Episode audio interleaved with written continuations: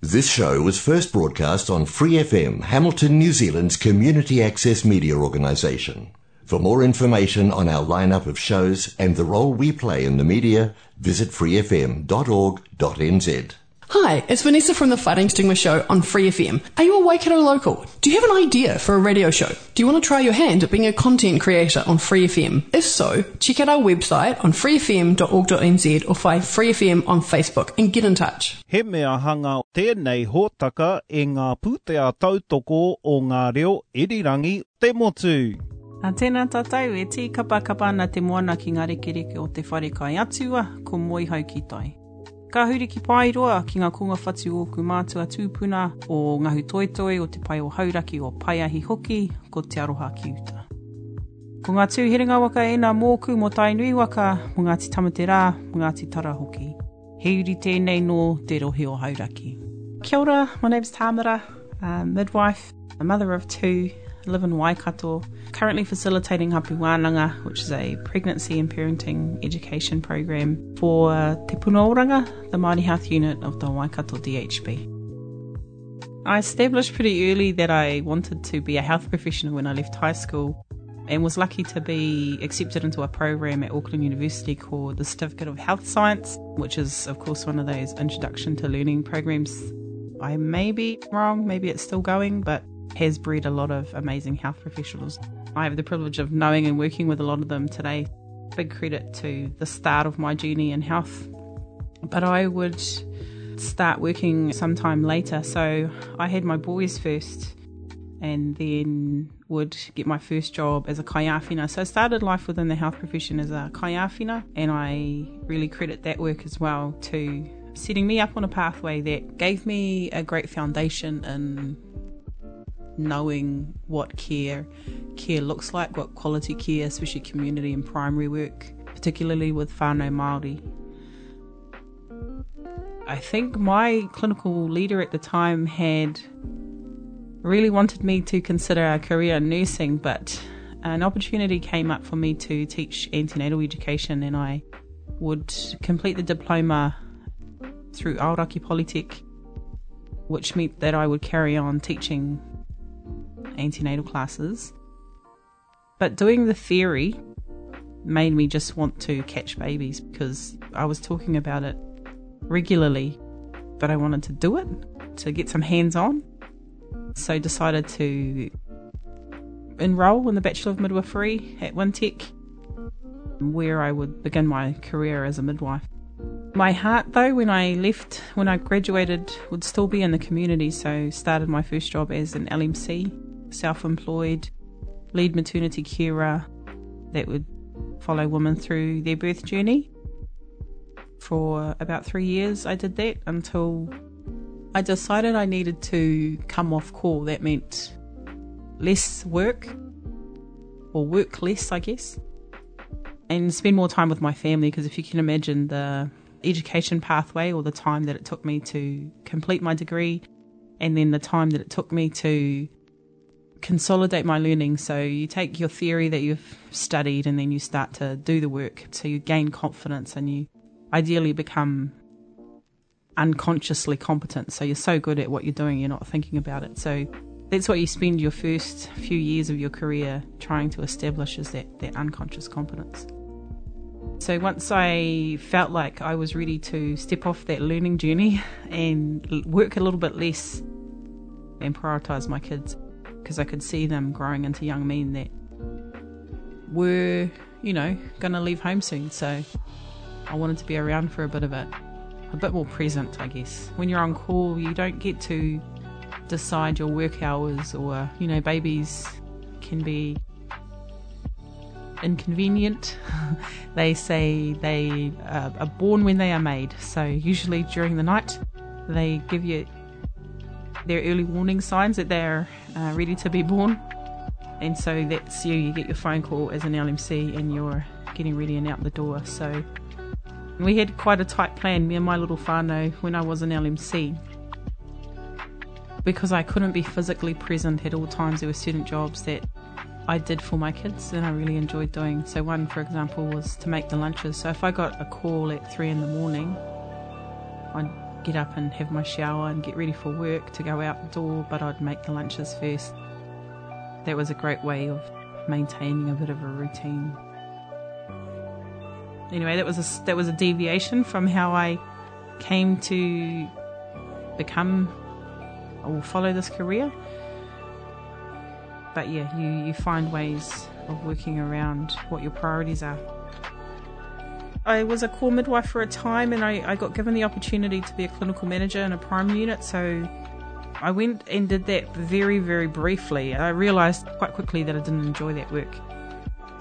I wanted to catch babies again rather than manage a team, so took a bit of a sidestep all the way back into childbirth education, right back to where I started teaching antenatal classes, but this time with some practice knowledge behind me and up until recently, I was still LMCing as well as catching babies for families because unfortunately we have a professional deficit, meaning there aren't enough midwives for the number of women that are pregnant in the country. So sometimes it is selfless to lean in on that work, to go and offer your mates that are needing support to do this work. So yeah, sometimes I catch babies as well, but that's my core business is Hapu Wānanga.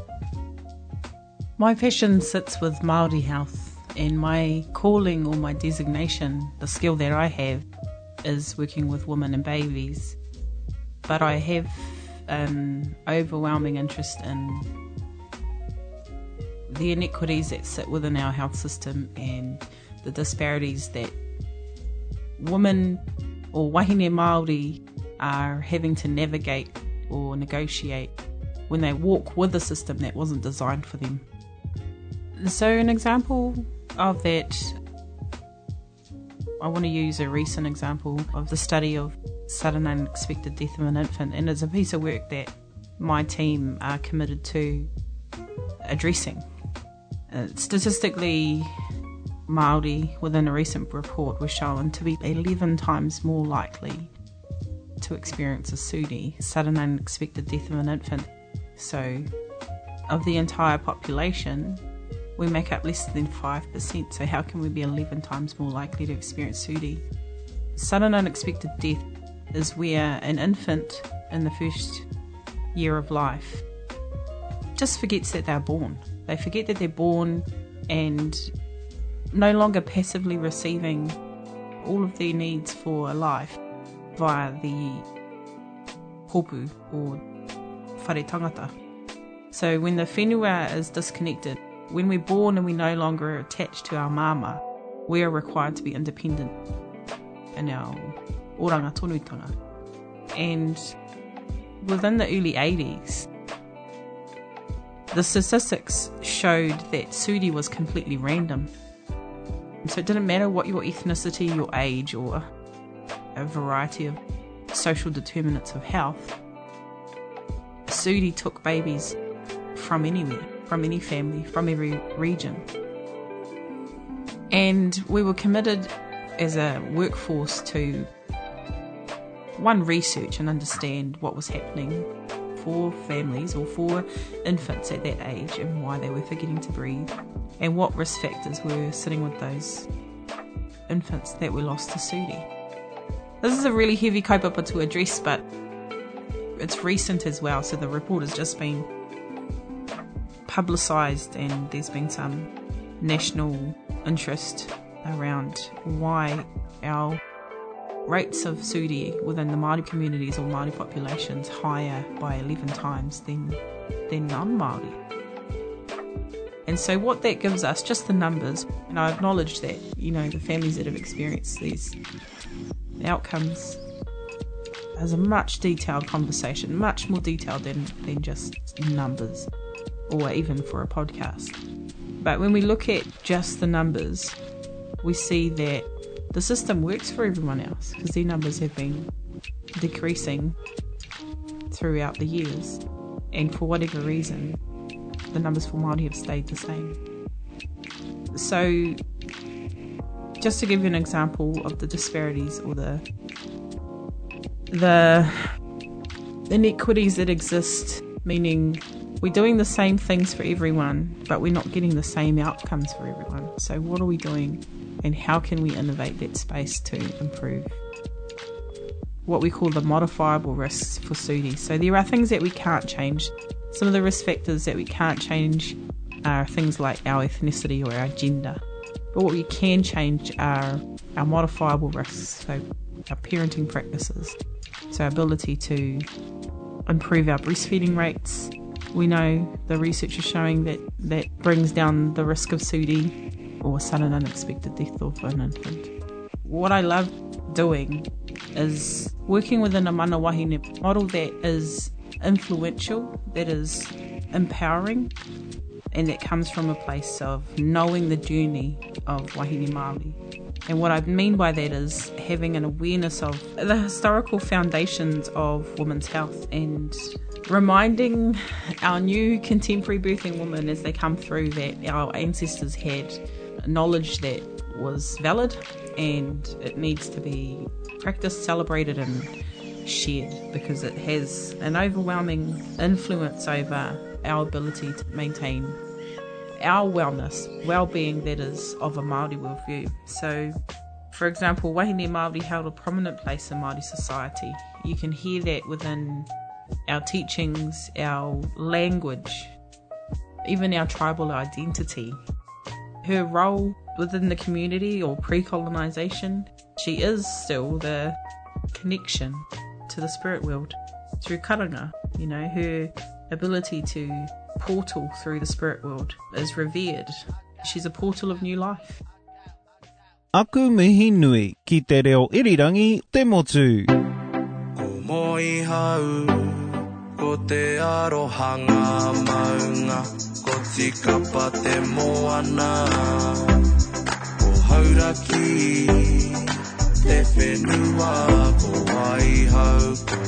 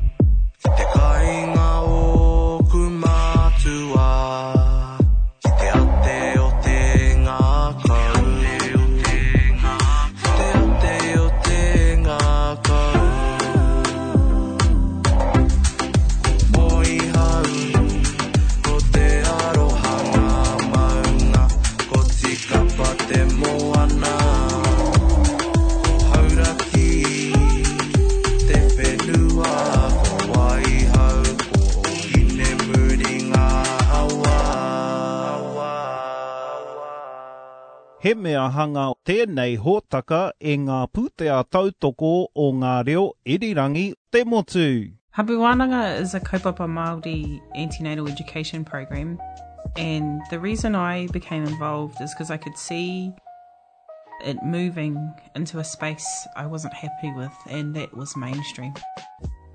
And I needed to do a few things. One was remind midwifery of the obligations to tangata whenua. But in order to do that, I needed to be well placed within my own inner circle that is Māori, that is Māori health professional. So Te Puna Oranga with the Māori Health Unit was that inner circle for me, and it still is. And within this work, we're able to privilege mātauranga Māori and value that hononga or uh, the work that it does so well, creating a manawahine space within the community so that we can start to challenge these or the cultural loss of birth practice and which have been you know a result of colonization but also systematically designed to ignore the knowledges of our tupuna. So when you are the authority and the the holder of things, you get to decide what's important, and that's what the health profession of the past, I want to say, have been guilty of. You know, they're the they're the experts, their sciences matter, therefore their approach is what is practiced.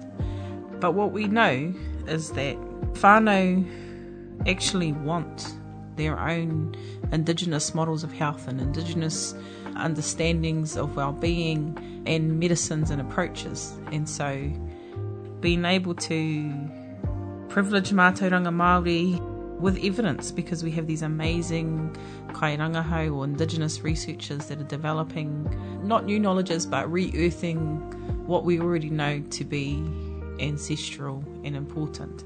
So we're applying those within Hapu Wānanga and again reminding midwifery their obligations to tangata whenua and how to do that in a way that is culturally safe is not with mainstream because that's just my opinion.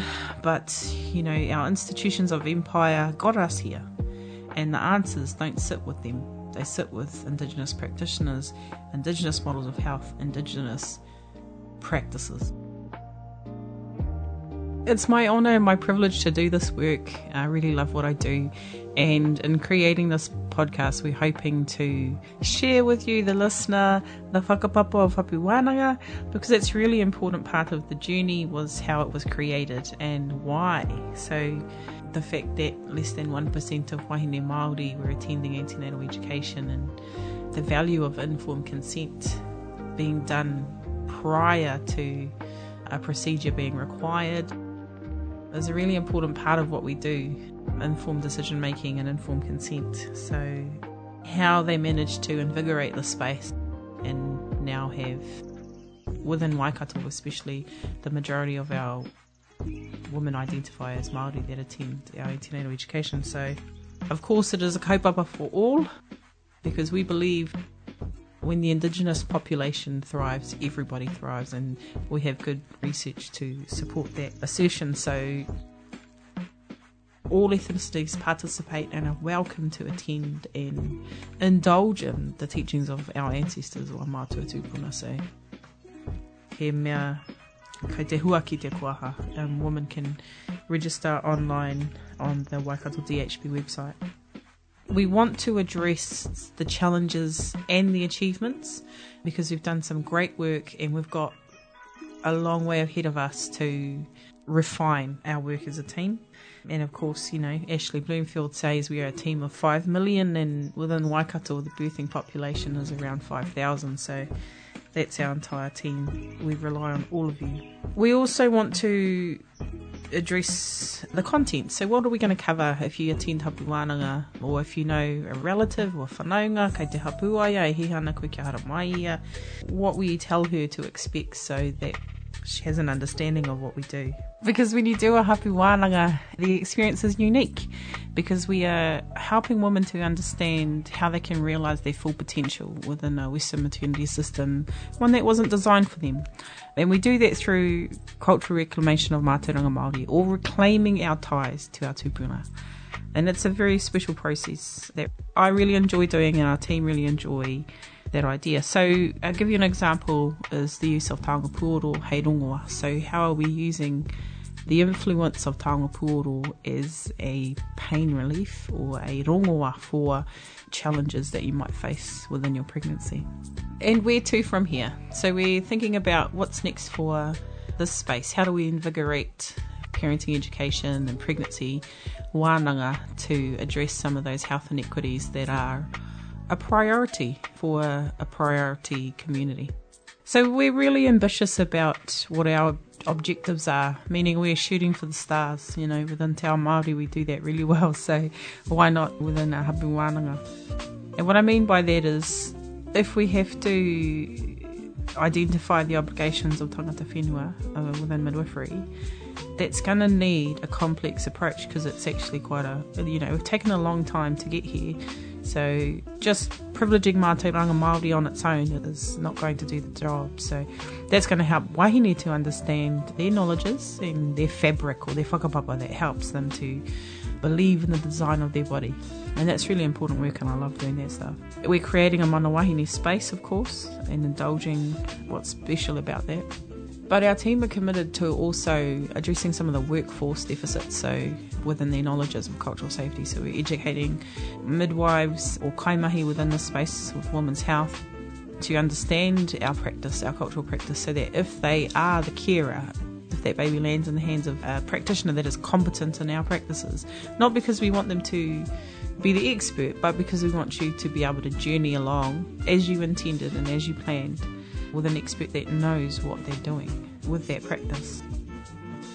So we've been holding wānanga for health professionals as well, asking them to revisit the history and acknowledge the Western maternity system and its foundations in colonisation and how that colonisation impacted on our birth knowledges and our experts. You know, we had the Tohunga Suppression Act, which meant that our ancestors couldn't rely on the models or mātauranga that they relied on originally, and they actually became illegal to practice their own traditions. So, making sure our practitioners are aware of that history so that they can join our mama on the journey of cultural reclamation of mātauranga Māori. So, we want you to join the critical mass, listen in, register for wānanga, attend wānanga and refer your whanaunga that mihama kei te hapuaia and know that we do our best to privilege wahine Māori as prominent within society today. So for me, that means we work really hard to make sure they have a quality experience so they can make informed decisions or quality informed decisions. Aku mihi nui ki te reo irirangi te motu.